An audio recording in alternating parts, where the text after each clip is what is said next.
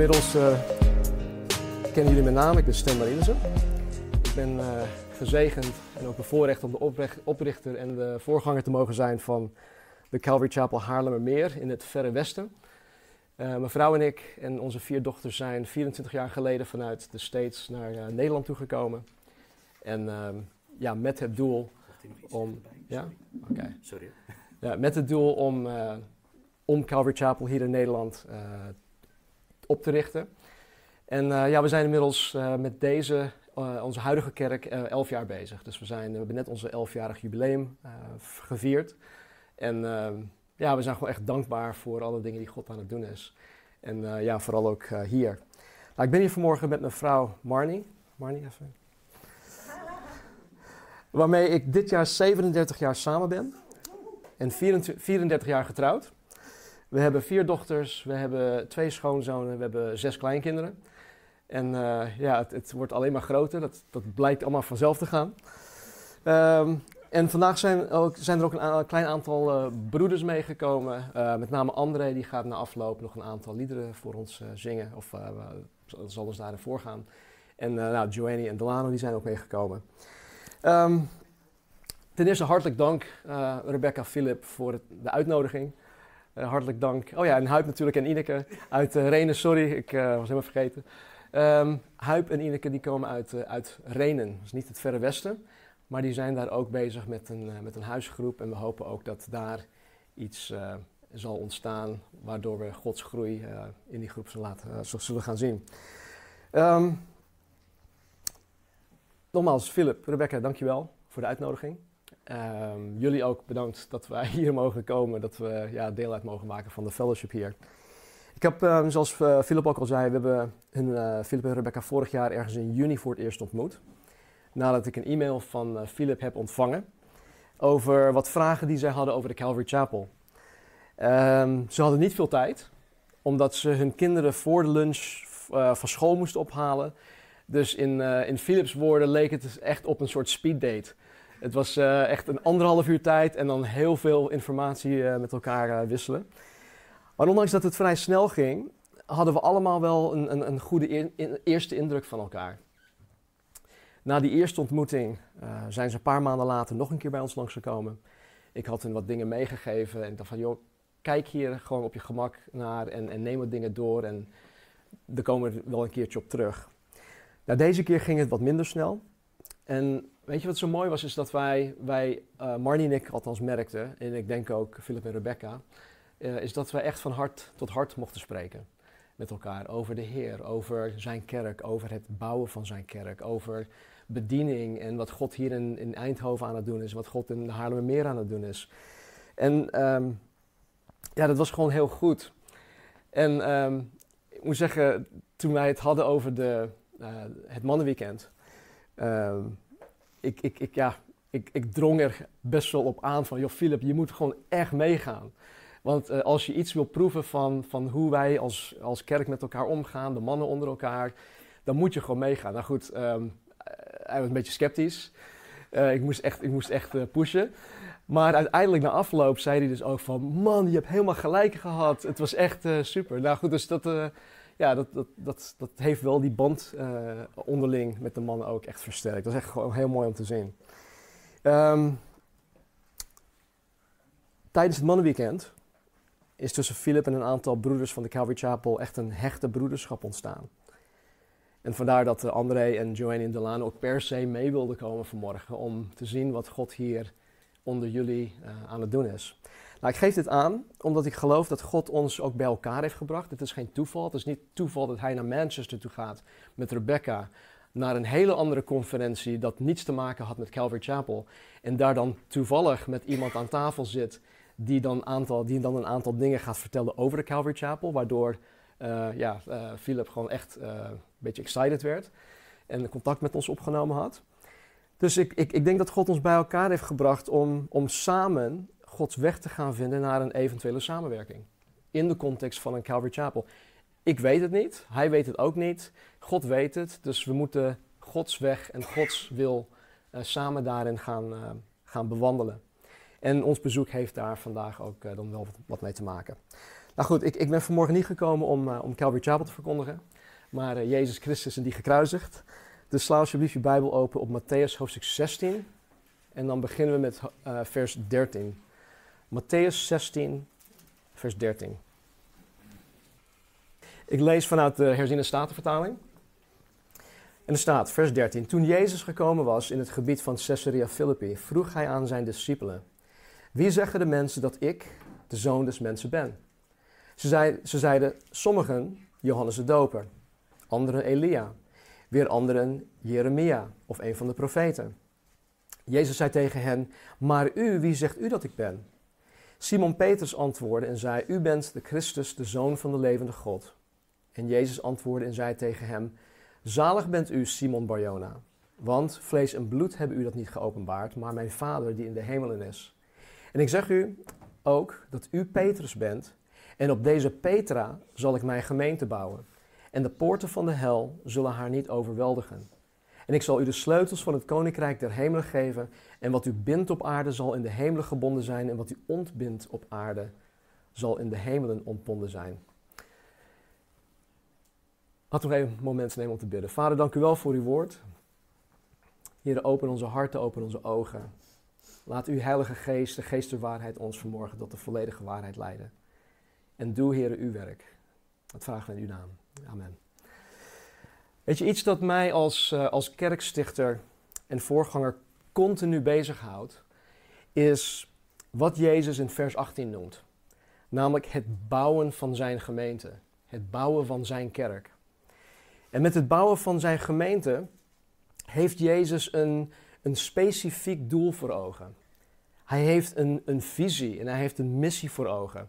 Vond ik ook zo mooi hoe dat heel mooi aansluit, aansloot bij de, de presentatie van, van Philip. Dat we, hè, er zijn zoveel verschillende visies, maar we moeten gaan kijken naar Jezus' visie op het bouwen van, van zijn gemeente.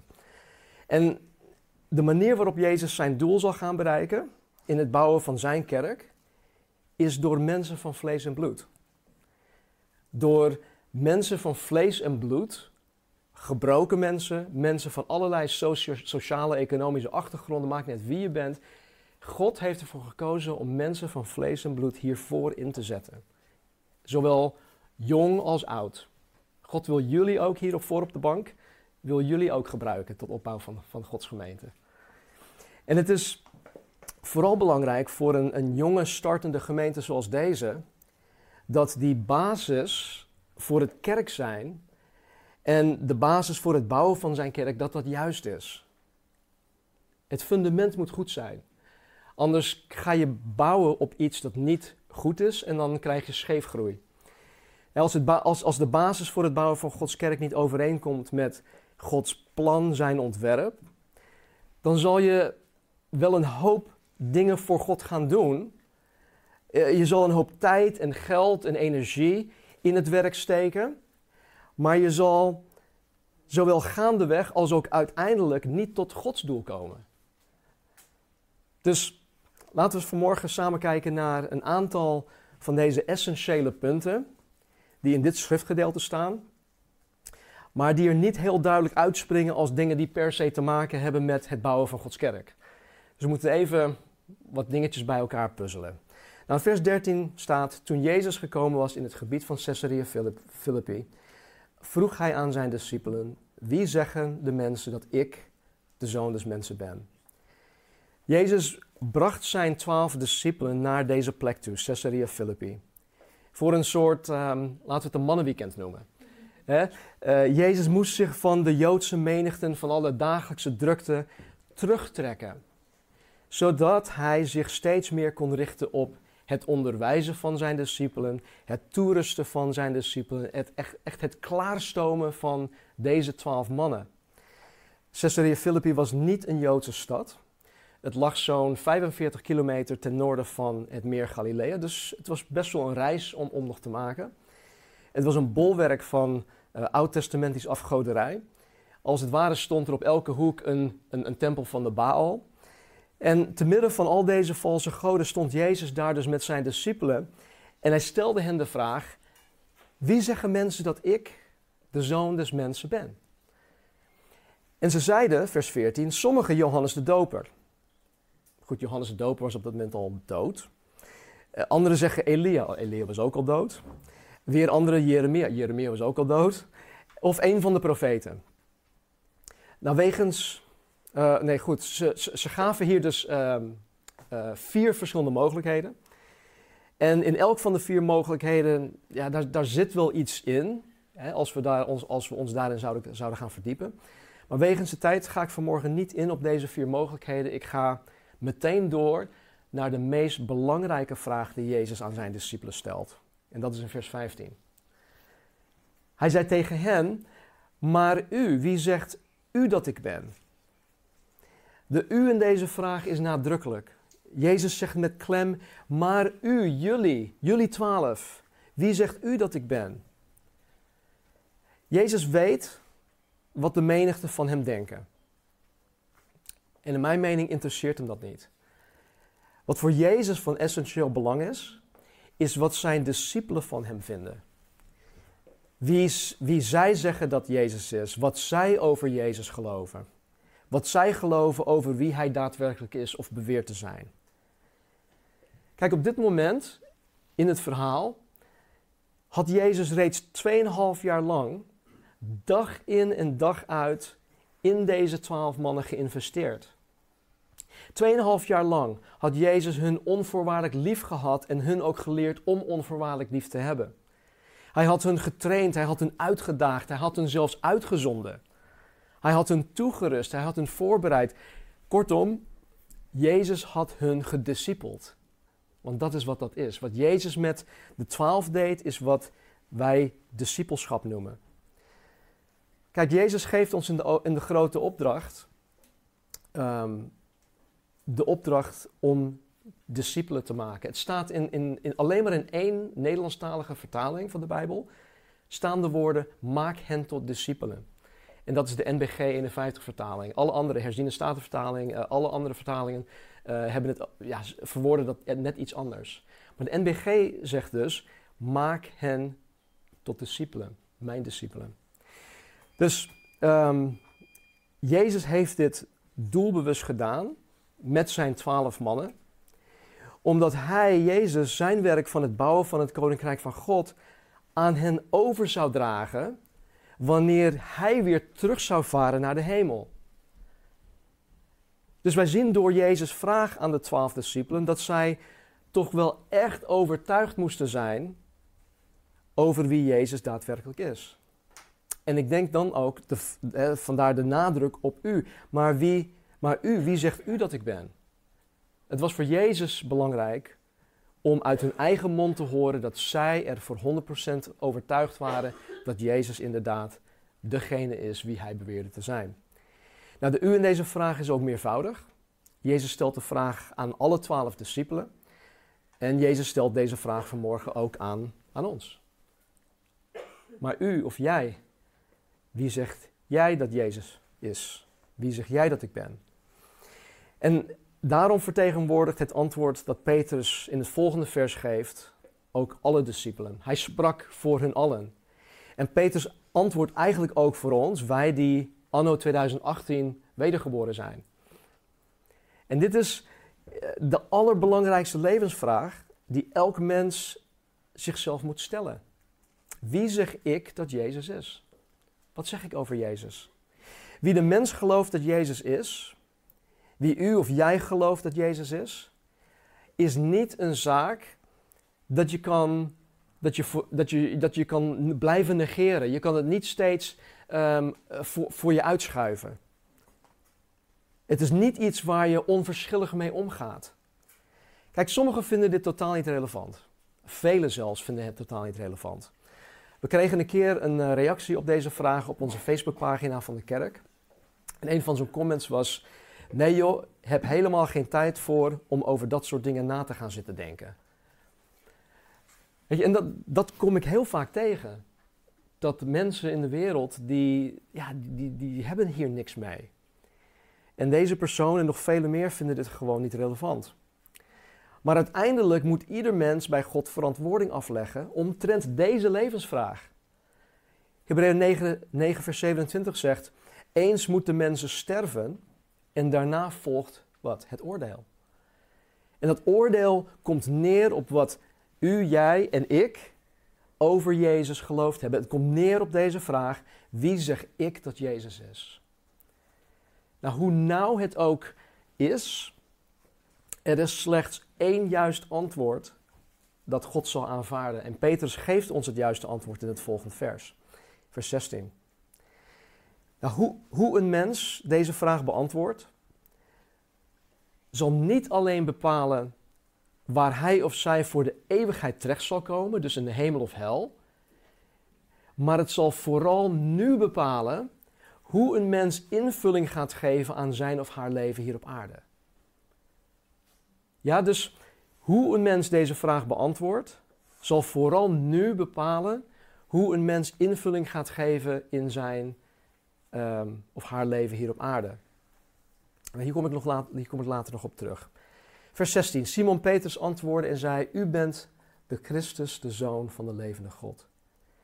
Petrus beleidt hier namens de twaalf dat Jezus de Christus is. Nou, in tegenstelling tot wat sommige mensen denken, is Christus niet de achternaam van Jezus. Ehm, hij heet niet Here voornaam, Jezus middelnaam en Christus achternaam. Uh, is zijn titel. Hij is de Here, hij is de meester, hij is de koning der koningen en ik ben zijn onderdaan. Hij is mijn kurios, hij is mijn Here. Jezus is zijn naam. In het Hebreeuws is het Yeshua, wat afgeleid is van Jehoshua. En, en dat betekent Heere, de Heere is redding, hij redt. En Christus spreekt van zijn missie. Christus betekent gezalfde, oftewel Messias. Jezus is de lang verwachte Messias dat God vanaf Genesis 3 al had beloofd dat hij komen zou. Dus als, als Petrus hier beleidt, u bent de Christus, dan, dan dat zegt heel erg veel. Dat zegt heel veel. Door te beleiden dat Jezus de Christus is, de Zoon van de levende God, zegt Petrus dat Jezus de vervulling is van de honderden profetieën, de honderden voorspellingen die God ons in het Oude Testament over Christus gegeven heeft. En in tegenstelling tot alle afgoden van die tijd, die levenloos waren, die uit hout, steen en metaal door mensenhanden gemaakt werden, beleidt Petrus dat Jezus de zoon van de levende God is. En hiermee zegt Petrus dat Jezus zelf ook de levende God is. Uh, zoon van betekent hier dat Jezus dezelfde natuur heeft, dezelfde Ehm, essentie heeft als God de Vader. Jezus is dus de levende God. Vers 17. En Jezus antwoordde en zei tegen hem: Zalig bent u, Simon Barjona, want vlees en bloed hebben u dat niet geopenbaard, maar mijn Vader die in de hemelen is. Weet je, Petrus heeft niet zelf bedacht, door het wikken en wegen, dat Jezus de Christus is, de Zoon van de levende God. Dit is aan Petrus door God zelf geopenbaard.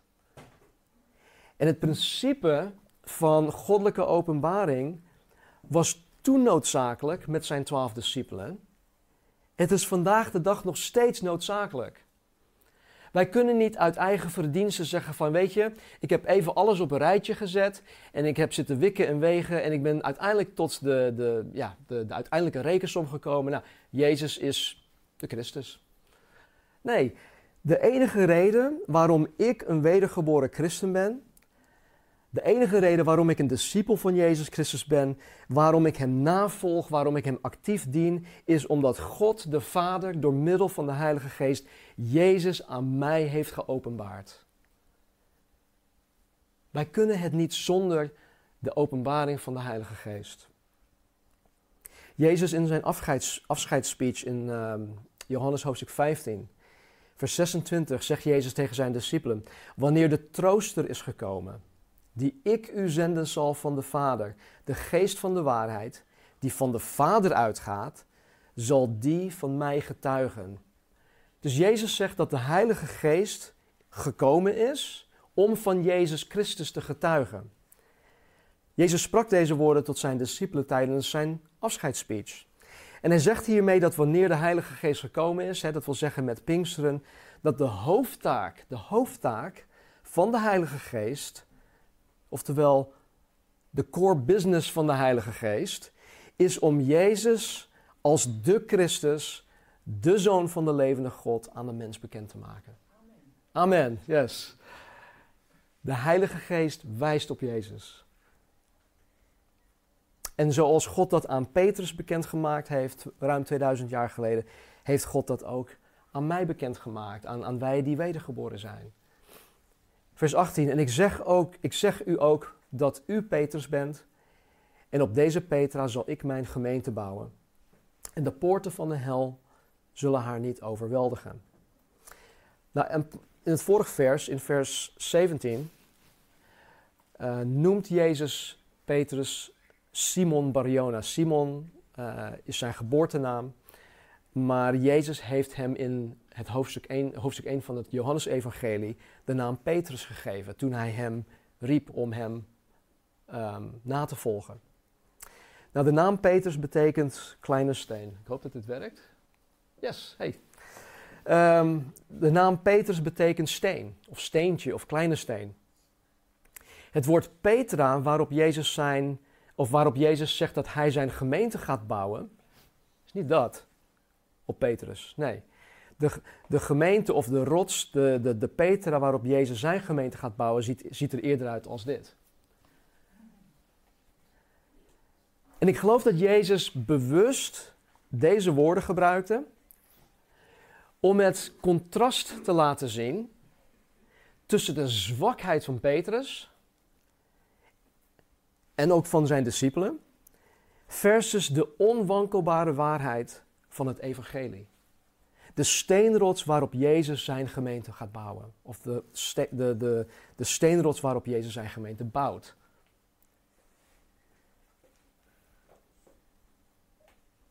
Even een vraag. Wat is die Petra? Wat is die rots waarop Jezus zijn gemeente bouwt? Ik geloof dat het de inhoud is van de beleidenis van, van, van Petrus. De Petra waarop Jezus zijn gemeente bouwt, is het onwankelbaar feit dat Hij de Christus is. Dat Hij de Zoon van de levende God is. Dat Hij Jezus zelf voor 100% God is. Kijk, elke andere opvatting van Jezus wankelt. Op elke andere opvatting van Jezus kan niet gebouwd worden. Op elke andere opvatting van Jezus of elke andere opvatting van Jezus zal niet staande blijven. Dus alhoewel de, uh, de Mormonen bijvoorbeeld en de Jehovah's getuigen allebei beweren dat zij in Jezus Christus geloven, geloven zij niet in de inhoud van Peters beleidenis. Ze gebruiken wel dezelfde woorden die wij gebruiken, maar hun definitie is anders. dus de woorden zijn hetzelfde, maar wat achter die woorden zit, de betekenis daarvan is gewoon anders. Nou, het is voor mij echt een grote opluchting dat Jezus degene is die zijn gemeente bouwt. Maar waar ik tegelijkertijd tegenaan loop, is dat Jezus niet lijfelijk op aarde aanwezig is om het bouwwerk te doen.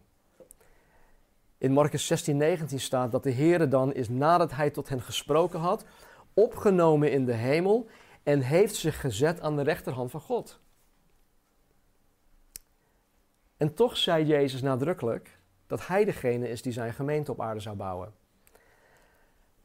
Maar hoe kan dat? Hoe kan dat als hij in de hemel zit? Hoe werkt dat dan? Nou, dit is een van de essentiële punten in het bouwen van Gods kerk die wij echt goed in onze harten moeten opslaan. Vorige week zei ik denk ik dat we het in onze oren moeten knopen. Is dat, is dat goed? Ja? Ehm, de apostel Paulus schrijft iets bijzonders hierover in 1 Korinthe hoofdstuk 3. Ik zal voorlezen. Hij zegt, wij zijn Gods medearbeiders. Wij die wedergeboren zijn, zijn dus letterlijk Gods medewerkers. Wij zijn zijn, ja, misschien heel oneerbiedig klinkt dit, maar wij zijn zijn collega's. Wij werken samen met God om zijn kerk te bouwen. En in het stuk in 1 Korinthe 3 spreekt Paulus specifiek over zichzelf en hij spreekt over zijn metgezel Apollos. Maar ik geloof dat de context toelaat dat het ook op ons betrekking heeft. In eerste instantie heeft Jezus de grote opdracht aan de discipelen gegeven waardoor zij het werk dat Jezus begonnen was moesten voortzetten. Dezelfde grote opdracht geldt voor ons. En dat is dat wij discipelen maken. Dat wij discipelen maken die vervolgens discipelen maken, die vervolgens discipelen maken. Wij die wedergeboren zijn, zijn Gods medearbeiders. Wij zijn Gods collega's. Wij werken samen met Jezus om de kerk te bouwen. Nou, de vraag die ik heb is: hoe ziet deze samenwerking met Jezus eruit? Hoe gaat zoiets in zijn werk? En hoe werken wij samen met Jezus als Jezus niet lijfelijk aanwezig is? deze vraag werd met Pinksteren beantwoord. In Handelingen 2 met Pinksteren werden alle discipelen van Jezus vervuld. Ze werden gedoopt met de Heilige Geest. Elders in de Bijbel trouwens wordt de Heilige Geest de geest van Jezus Christus genoemd. Op vier verschillende plekken wordt hij de, de geest van Christus genoemd, de, de geest van Jezus Christus. En op dit moment in de geschiedenis, Handelingen 2, werd de kerk van Jezus Christus geboren. En alle discipelen ontvingen bovennatuurlijke kracht om de gemeente van Jezus Christus te gaan bouwen. En dit bouwwerk gaat tot op de dag van vandaag gewoon door totdat de kerk opgenomen wordt. En wij allen mogen daar deel van uitmaken. De Heilige Geest, de geest van Jezus Christus, die krijgt inwoning bij mij, die woont in mij. Jezus, als het ware, bezit mijn lichaam. En ik ben als het ware door Jezus zo bezeten, dat klinkt misschien heel eng voor sommigen van jullie. En, en zo verricht Jezus dus zijn bouwwerk door mij heen, door mijn lichaam heen, door mijn leven heen. En zolang ik voorrang geef aan zijn geest, bouwt Jezus zijn gemeente door mijn leven heen. Zolang ik voorrang geef aan de Heilige Geest. Ik ben wie ik ben en ik doe wat ik doe, niet omdat ik een voorganger ben. Of niet omdat ik een zendeling ben of omdat ik een kerk op, gesticht heb. Nee, ik ben en ik doe omdat ik een discipel van Jezus ben. Paulus noemt mij een slaaf van Jezus Christus. Of heel simpel gezegd, ik ben een christen. Ik doe wat ik doe, ik ben wat ik ben, omdat ik een christen ben. Ik ben Jezus handen en voeten. Ik ben zijn stem, ik ben zijn ogen, ik ben zijn oren, ik ben zijn hart voor de medemens. Maar ik ben dat alleen als ik mezelf elke keer opnieuw aan Hem overgeef. En de geest voorrang geven, dat moet dagelijks gebeuren. Soms zelfs van moment tot moment. Soms raak ik in gesprek met mensen over het willen doen van Gods wil, het wandelen in waarheid en zo. En dan heb ik een tip voor hun en dan is dit de, is dit de tip. Vraag God om jou het komend kwartier te helpen om Gods wil te doen. Om in waarheid te wandelen, om um, Hem voorrang te willen geven. Nou, als je dat een kwartiertje lang hebt volgehouden, mag je God danken. Oké, Heer, we gaan voor de volgende kwartier. En als je zo je dag doorheen komt, voordat je het weet, is het alweer tijd om naar bed te gaan. En dan denk je van, wauw, wat heb ik een geweldige dag gehad. Weet je, dan moeten we natuurlijk niet krampachtig gaan doen. Hè? Want het is uiteindelijk God die het willen en het werken in ons doet. Maar we moeten daar wel van bewust zijn dat wij op die manier ook met God om kunnen gaan. Want ik heb ook de keus om de Heilige Geest geen voorrang te geven. Dat is het mooie van mens zijn. Wij hebben de vrije keus. Ik heb ook de keus om mijn eigen gang te gaan, om mijn eigen ding te gaan doen. Ik heb ook de keus om door mijn eigen teleurstelling of bitterheid de gemeente af te breken in plaats van dat ik de gemeente opbouw. Door mijn vlees te laten regeren, kan ik het geloof in en het vertrouwen op God van mijn broers en zussen om me heen afbreken. In plaats van dat ik dat opbouw. En door bijvoorbeeld mee te gaan in roddel. Of door iemand zwart te maken, of door nalatigheid, of door passief te zijn. Kan ik afbreuk doen aan wat juist opgebouwd dient te worden. Als mens heb ik de capaciteit om het geloof in en het vertrouwen op God in een ander af te breken. Ik heb de capaciteit om mijn broers en zussen, waarvoor Christus gestorven is, te ontmoedigen. Vraag het maar aan Marnie, mevrouw. Mijn vlees is daar meesterlijk in. Als mens heb ik de capaciteit om te luieren of te niksen. Ik ben geen gamer, anders zou je zeggen eh, te gamen. Non-stop. Of om aan de zijlijn te staan en toe te kijken hoe anderen de kerk van Jezus Christus aan het bouwen zijn. Die capaciteiten heb ik. Die schrijf ik niet op mijn cv natuurlijk. Maar ik denk dat wij die allemaal wel hebben.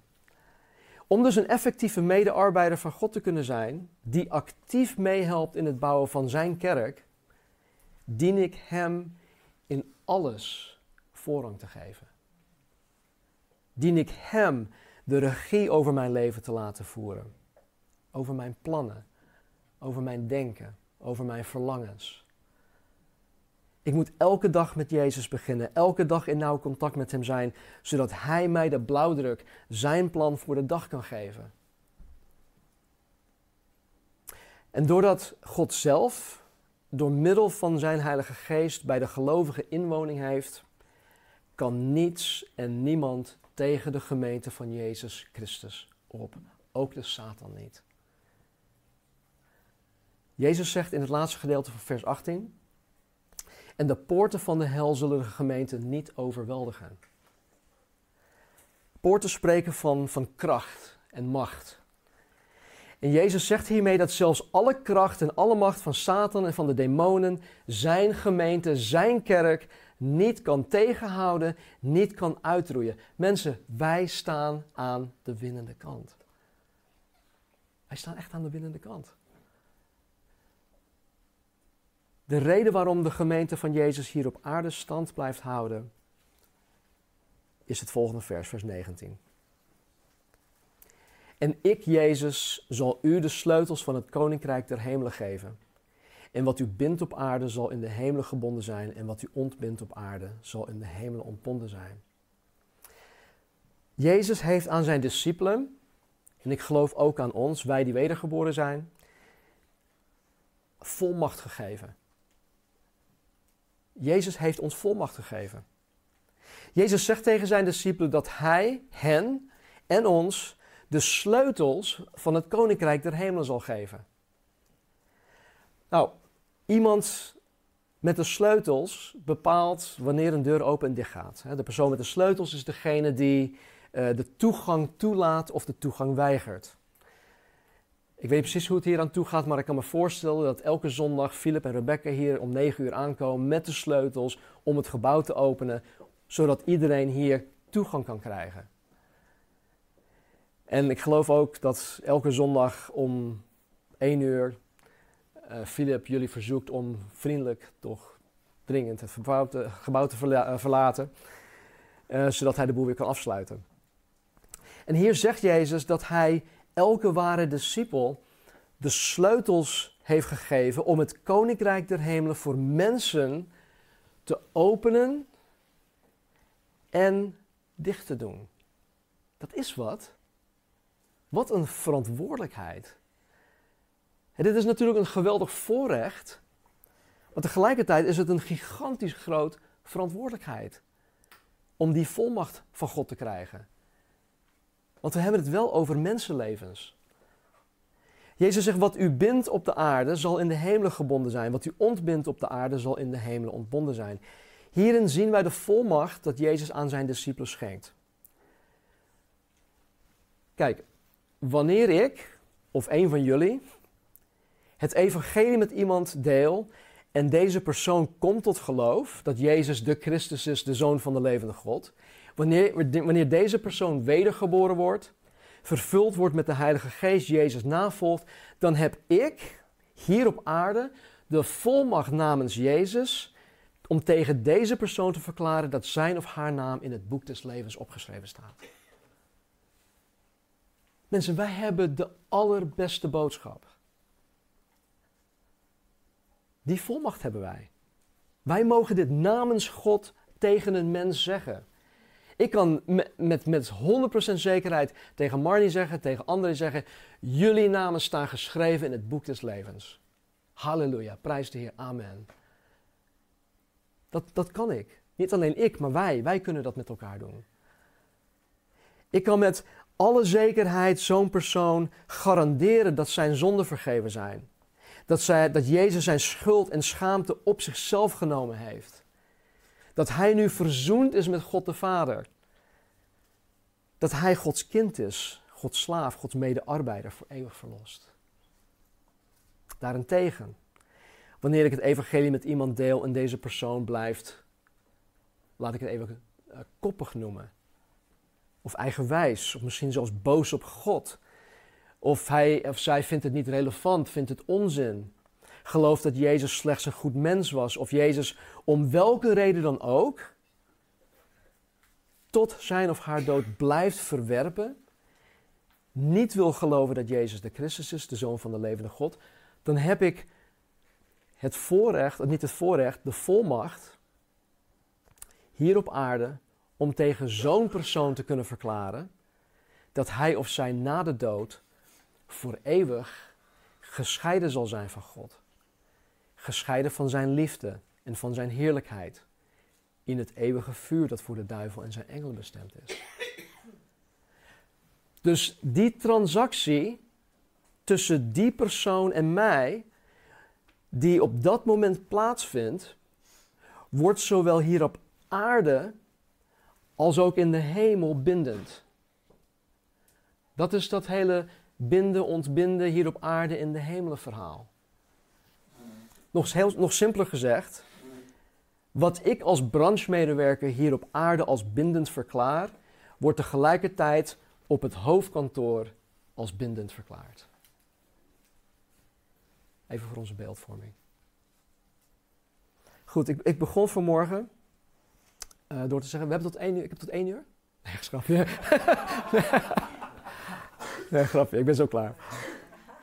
Ik begon vanmorgen door te zeggen dat Jezus een specifiek doel voor ogen heeft. Een, een visie en een missie, een plan voor het bouwen van zijn gemeente. Ik ben er heilig van overtuigd dat de manier waarop Jezus zijn doel zal gaan bereiken in het bouwen van zijn kerk, is door wedergeboren christenen hiervoor in te zetten. Nogmaals, jong en niet zo jong. Zijn plan is dat alle wedergeboren christenen op een of andere manier actief meedoen in het bouwen van zijn gemeente. Dat wij op een of andere manier meedoen, actief bijdragen aan het vervullen van de grote opdracht. En dat is om discipelen te maken.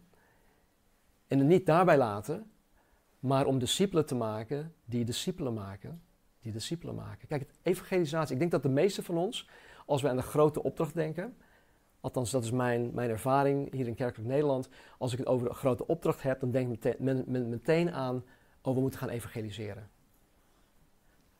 Helemaal niks mis mee. Evangelisatie, evangeliseren is de eerste stap. Maar wat doe je vervolgens met zo'n persoon? Op het moment dat je aan het evangeliseren bent en die persoon komt tot geloof, dan begint het echte werk pas. Dan moet je jezelf verloochenen. Dan moet je je kruis opnemen. Dan moet je tijd en energie gaan steken in zo'n persoon. En dat kan je niet met honderd mensen. Vandaar dat Jezus het met twaalf mannen deed. En zelfs meer intensief met de drie, Petrus, Johannes en Jacobus. Dus zijn plan is dat alle wedergeboren christenen hieraan actief meedoen.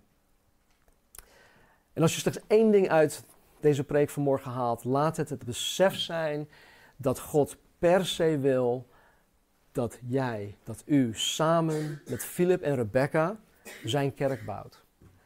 Dit is waar het begint.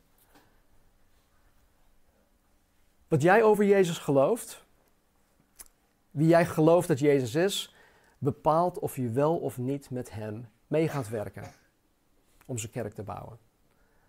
Het is echt bepalend. Wat jij over Jezus gelooft, wie jij gelooft dat Jezus is, zal bepalen waaraan jij jouw leven zal gaan besteden. waar jij jouw tijd en energie in stopt. En dit is de reden waarom Jezus aan zijn discipelen vroeg, maar, vroeg, maar wie u, wie zegt u dat ik ben? Jezus liet het bouwwerk over aan deze twaalf mannen. Dus hij moest er voor 100% zeker zijn dat de twaalf voor 100% zeker waren dat Jezus daadwerkelijk de Christus is, de Zoon van de levende God. Zij moesten die zekerheid hebben. Johannes de Doper, die begon te twijfelen. Hij stuurde zijn eigen discipelen af op de discipelen van Jezus. hey, ehm, ik, ik snap heel veel dingen niet. Is hij wel degene die ik die ik dacht dat hij was? Wij kunnen daar niet over twijfelen. En zo ook nu. Jezus laat zijn bouwwerk over aan ons. En alleen wanneer wij voor 100% geloven dat Jezus de Christus is, de Zoon van de levende God, zullen wij ons leven besteden aan het bouwen van zijn kerk. Dus de vraag is, hoe sta je er vanmorgen in? Wie zegt jij of wie zegt u dat Jezus is? Als jij ervan overtuigd bent dat Jezus de Christus is en de Heilige Geest overtuigt jou vanmorgen dat je meer kan doen om met Jezus, om met Jezus mee te bouwen, ik zou zeggen, maak het heel simpel. Geef jezelf gewoon geheel over aan Hem. Je hoeft niet eerst alles op een rij te krijgen. Ik heb een, uh, iets dat ik, dat ik vaker ook in onze thuisgemeente zeg, um, uit, uit het Engels. Jezus maakt zijn vissen pas schoon nadat hij ze gevangen heeft. Weet je, dus wij hoeven er zelf niet eerst allerlei dingen aan te doen om te denken dat, oh, maar ja, God kan mij niet gebruiken, want ik heb nog zoveel rotzooi in mijn leven. Nee, maak vandaag gewoon een besluit. Heren, ik wil meebouwen, ik wil u dienen, ik wil de grote opdracht vervullen. Help mij om dat te doen. En gaandeweg zal Jezus Christus je gaan heiligen, zal Hij je leven gaan opruimen, je hart gaan opruimen, je gedachten gaan veranderen. Niets is te groot of te klein. Weet je, ook niets is, is, is, is onbenullig. Uh, en hier, vooral in een startende gemeente, is alle hulp welkom. Je hoeft niet per se een Bijbelstudie te geven of een voorganger te worden. Als jullie een ledenlijst hebben, ga je ledenlijst af. Bid voor elkaar. Dat moedig ik onze mensen ook elke keer weer op aan. Bid voor elkaar. Ga je ledenlijst af, bel iemand of ga bij iemand op bezoek. Stuur een, stuur een WhatsApp van joh, ik denk aan je, ik bid voor je. Stuur een Bijbeltekst. Ga bij iemand langs om, om die persoon of die, dat gezin te helpen. Misschien met schoonmaken of met oppassen of een maaltijd koken of de was draaien of strijken. Maakt niet uit wat. Er zijn zoveel mogelijkheden om elkaar te helpen en op die manier ook de kerk te bouwen. Ik geloof ook dat hier, zoals bij ons, Elke zondag wordt hier door een klein groepje mensen alles op en afgebouwd. Kom eens een keer om negen uur als je dat nog niet eerder hebt gedaan. Kom gewoon om negen uur en vraag Philip, joh, hoe, wat kan ik doen? Wat, wat kan ik betekenen? Hoe kan ik meehelpen? En als je merkt dat er iets in de kerk ontbreekt, of dat er iets niet gedaan wordt waarvan je denkt, hé, hey, dat moet wel gedaan worden in deze kerk, pak het op. Neem het initiatief. Overleg met Philip. Overleg wat, eh, eh over wat je eventueel zou kunnen doen. Dit is niet Philips kerk. Het is de kerk van Jezus Christus. En wij zijn allemaal levende bouwstenen. En natuurlijk heeft God Philip, en, eh, Philip aangesteld als de, de, de, de voorganger, de leider, de opziener van deze kerk. En alles moet in goed overleg. Maar weet je, we zijn nu elf jaar bezig. En uh, er zijn nu mensen opgestaan in onze gemeente en ik, ik laat hun gewoon hun gang gaan. In het vertrouwen dat God een relatie met hun heeft. En ik geef hen de ruimte om fouten te maken. Ik geef hen de ruimte om dingen gewoon te ontplooien. En ik zie nu zulke mooie dingen ontstaan in de levens van mensen. Dat uh, ik hoef niet alles te weten waar mensen mee bezig zijn. Ik hoor soms gewoon in de wandelgangen: hey, die en die hebben dit afgelopen week met elkaar gedaan. Oh man, prijs de Heer. Dank u wel, God, dat u op deze manier in de gemeente aan het bewegen bent. Misschien heb je ooit in je leven iets van Jezus meegekregen. Maar ja, ja, door alle foute keuzes die je in je leven hebt gemaakt, door omstandigheden waar je zelf geen controle over had, ben je Jezus uit het oog verloren. Misschien kom je al jarenlang in de kerk. Maar doordat je Jezus niet volledig de voorrang hebt gegeven, heeft God Jezus niet volledig aan jou geopenbaard. Dat kan. En waardoor je niet een juist beeld van Jezus hebt. Wie zeg jij vanmorgen dat Jezus is? Misschien loop je al jarenlang mee in het christendom, maar omdat je het idee hebt dat Jezus los van jou inzet, zijn gemeente bouwt, ben je onverschillig geraakt in jouw toewijding voor de dingen van God. En misschien heb je zoiets van, joh, Jezus bouwt zijn gemeente toch. Waarom zou ik me druk maken om de kerk? Dat loopt allemaal wel. Ik heb genoeg problemen waaraan ik mijn handen vol heb. Wie zeg jij vanmorgen dat Jezus is? Laten we bidden. Hemelse Vader, dank u wel dat u zo geweldig goed bent, zo groot. Dank u wel voor dit woord. Dank u wel voor dit mannenretrette, heren, tussen Jezus en zijn discipelen.